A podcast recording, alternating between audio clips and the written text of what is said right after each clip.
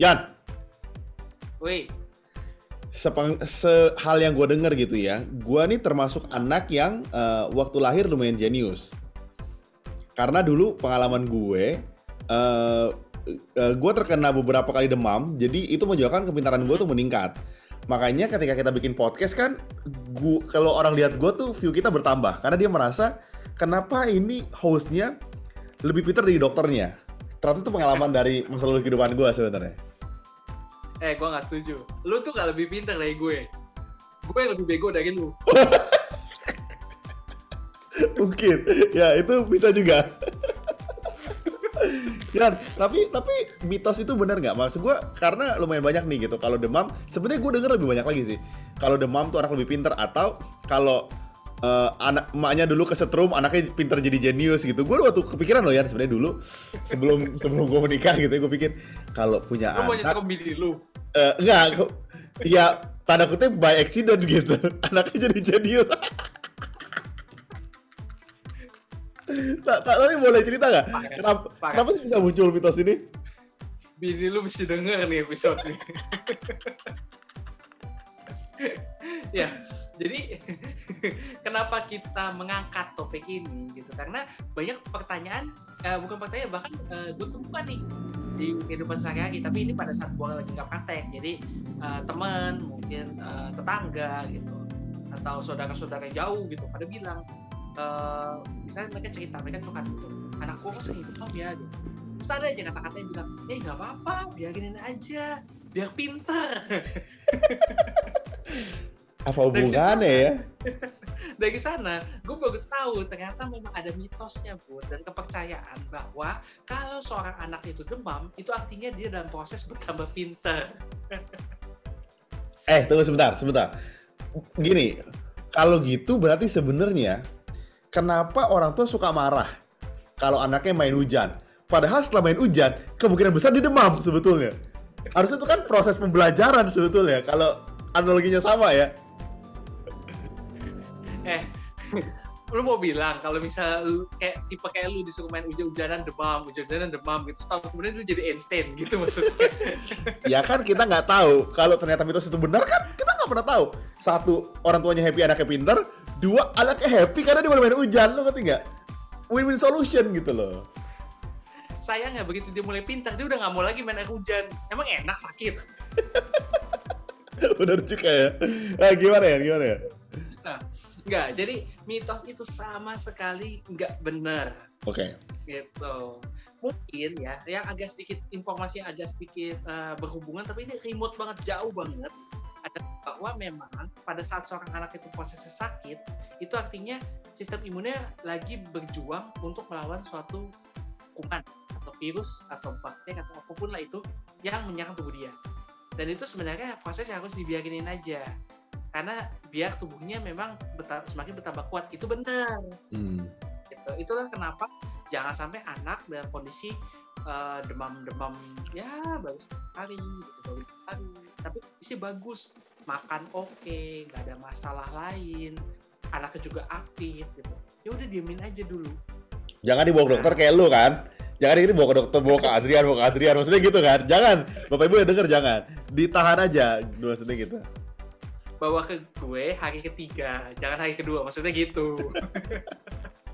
Nah padahal kita sendiri tahu bud kalau misal anak demam itu penyebab tuh banyak banget. Hmm, hmm, mulai dari hmm. hal-hal yang eh, memang patologis patologis itu dalam arti maksudnya ini memang karena jadi karena sesuatu nih karena ada Hmm. serangan dari luar yang tadi gue udah sebut bakteri kuman virus jamur bla bla bla. Tapi ada juga memang sesuatu yang memang akan terjadi. Contohnya misalnya pada saat tumbuh gigi Oh iya benar, benar, benar, Nah, benar. si Ethan udah tumbuh gigi belum belum Eh, belum. belum nah walaupun nggak semua akan demam tapi kebanyakan anak itu pada proses tumbuh gigi dia akan mulai demam karena kan ada Hmm. peradangan kan di daerah gusinya tempat Hmm. si gigi itu mau keluar gitu Hmm. itu juga sebenarnya sesuatu yang ringan Hmm. dan sebenarnya nggak perlu sampai dibawa ke dokter ya selama demam itu yang tadi gue bilang demam yang aman nggak ada Hmm. kejang makan minum oke anaknya aktif demamnya juga nggak lama masih dalam kurun waktu 1 sampai tiga hari itu aman gitu. I see. Nah, apalagi pada anak-anak yang mungkin memiliki masalah khusus. Contohnya misalnya dia yang punya amandel. amandel Hmm. kronis itu pasti otomatis dia akan sering-sering demam bud I see. nah dan itu bukan eh, kalau menurut gue ya bukan begitu demam langsung dibawa ke dokter begitu demam Dan dan bukan tanda kecerdasan juga itu kalau kena amandel kronis gitu kan sebetulnya. bukan gitu bud I see. Yan, gue gue bertanya sedikit soal demam, mungkin soal faktor di sekitarnya kan. Kita tahu ada banyak faktor eksternal gitu ya, maksudnya yang nyebabin dia demam gitu. Bisa aja bener bakteri, virus gitu. Terus gue nggak tahu ini lu sarankan atau tidak sebagai dokter, tapi gini, ada sebuah ada sebuah kepercayaan tanda kutip yang mungkin gue juga lakukan gitu. hmm, Kalau punya anak, jangan terlalu bersilah gitu. Jadi jadi misalnya gini ya, lu suka lihat kan ada orang yang kadang-kadang misalnya semua disemprotin gitu biar bersih. Kan anak seumur gue 6 bulan tuh pengen gigit-gigit semua hal gitu. Jadi Hmm. kadang-kadang kadang-kadang adalah biarin lah namanya juga anak main di lantai main apa kotor-kotor biarin. Ada yang nggak boleh nyentuh lantai, ada yang nggak nggak boleh kotor sedikit gitu karena takut sakit gitu. Kok menurut gua yang tadi lu bilang gitu, ya kalau dia lagi tanda kutip gitu ya mungkin kotor sedikit terus mungkin dia haci batuk ya udah biarin aja gitu. Jadi anaknya lebih kuat. Maksud gua apakah itu masuk dalam kategori yang normal gitu? Atau sebenarnya gua orang tua yang kurang normal sebetulnya untuk biarkan anak gua lebih kotor dan sakit secara natural. Enggak. Kalau itu sih gue percaya mungkin waktu kecil lu digituin bud terus kan balas dendam sama anak lu mungkin ya mungkin ya. Ya sebenarnya kembali lagi semua adalah pada porsinya bud hmm. jadi apa pun yang berlebihan itu sebenarnya nggak bagus gitu. Hmm, hmm, nah ini gue akan bicara dalam konteks misalnya eh, anak lo yang lagi belajar gigit-gigit. Hmm, berarti itu dia sebenarnya udah mulai mau tumbuh gigi tuh hmm, harusnya ya. hmm.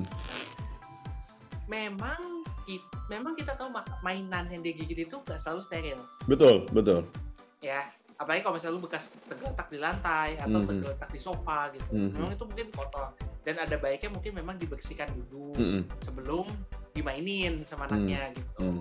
nah tapi bukan berarti mainan itu bener harus benar-benar steril dengan tingkat yang tahu kan steril tingkat medis gitu yang yang lu lu masukin ke dalam sterilizer dulu misalnya yang UV yang pakai UV Iya iya iya iya. Hmm. lu keluarin pakai sarung tangan khusus ya lu Hmm. nggak mau anaknya anaknya mau pegang pakai tangannya eh nggak boleh nih disuapin di tangannya ya. ya kayak gitu juga gitu maksud gue. Iya iya iya iya iya. iya. karena karena eh, si anak sendiri sebenarnya udah punya sistem imun Hmm.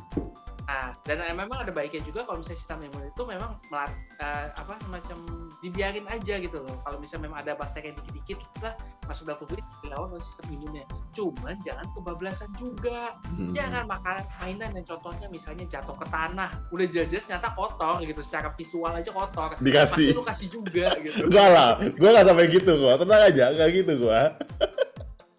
Tapi kadang-kadang buat ada yang suka miss.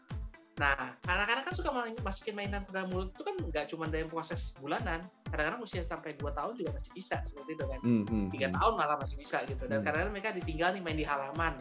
hmm, Tahu-tahu hmm. pas balik udah lagi gigit-gigit tangannya yang Hmm. lagi kotor. Iya iya iya. Nah, itu sendiri juga sebenarnya sebenarnya kalau gua anjurin jangan. Itu Iya, udah iya. terlalu kategori ekstrim lagi gitu. Kita mesti harus memperhatikan lah. Jadi kita ambil tengah-tengahnya aja, jangan berlebihan, jangan kekurangan juga. Iya iya iya.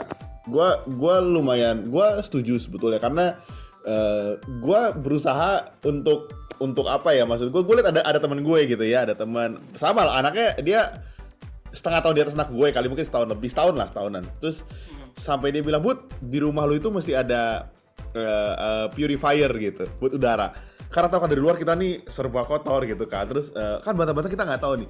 Gue sih sebenarnya tidak menyalahkan purifier sebetulnya gitu. Atau atau banyak hal-hal yang lainnya ya dengan teknologi yang berkembang gitu.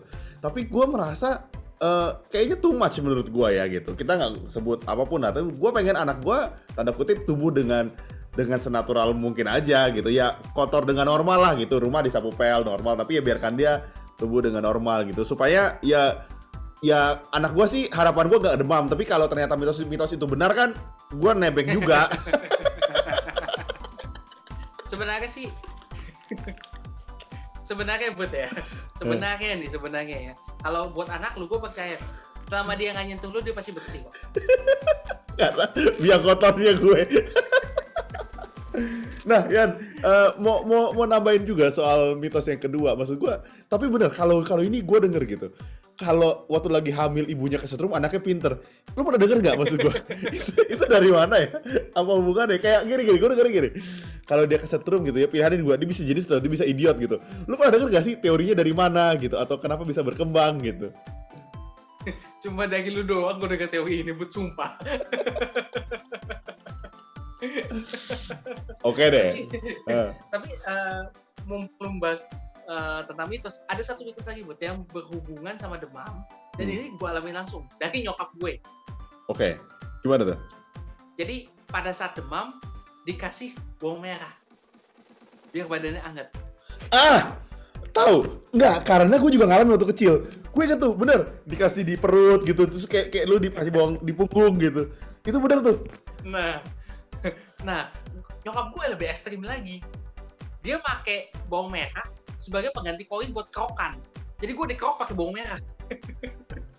Padahal kerokan aja udah mitos ditambah lagi bawang merah aja sebetulnya. Jadi double ya. Nah menanggapi itu itu juga sebenarnya cuma mitos gitu. Bawang merah itu kan bikin pedes hmm. ya kan? Itu rasanya jadi bukan menghangatkan tubuh. Dan ada semacam iritasi ringan di kulit lu gitu loh. Itu bikin diri rasanya panas pedes. Panasnya bukan karena anget karena karena bawang merah emang bikin panas I see. Gitu. Jadi sobat healthy, kalau misalnya ada yang punya anak dan kemudian demam, jangan dianggap bahwa anak itu proses menjadi pintar. Jangan. jangan. Tolong dicari tahu aja penyebab demamnya apa, dan kalau misalnya demamnya berkelanjutan terus menerus itu baru dicari tahu dan yang terakhir poin terakhir adalah jangan dikasih bawang merah nah Uh, teman-teman sebetulnya masih banyak mitos yang kita akan bahas gitu. Maksudnya nggak nggak cuma ini karena kita tahu ya di dunia kesehatan tuh banyak banget hal-hal yang uh, terlihat benar sebetulnya. Karena kenapa sih orang anggap itu benar? Karena gejalanya gitu atau yang terjadi sama tubuh kita itu terlihat seperti menyenangkan gitu atau pembenaran. Misalnya gini misalnya lu dikerik badan lu badan lu jadi anget nih. Aduh enak itu jadi anget nih. Padahal kan emang ada peradangan di tubuh lu gitu. Jadi kita tahu bahwa uh, di dunia kita ini banyak banget hal-hal yang berbau mitos tapi terdengar nyata secara medis gitu. Makanya kita Healthy Hack selalu pengen banget untuk ngasih informasi-informasi supaya kalian nggak misleading gitu. Jangan sampai tradisi yang udah salah di orang tua kalian atau kakek nenek yang mungkin belum berkembang dulu teknologinya Google segala macam tertular di kalian bahkan di anak kalian which is kita generasi muda kita punya banyak teknologi gitu kan makanya stay terus dengan Healthy Hacks karena kita akan terus bahas topik-topik edukasi secara menarik gitu gimana ya? Mantap jadi jangan sampai ketinggalan di topik-topik kita selanjutnya. Sampai ketemu di episode selanjutnya. Stay happy. Stay live. Bye-bye. Bye-bye.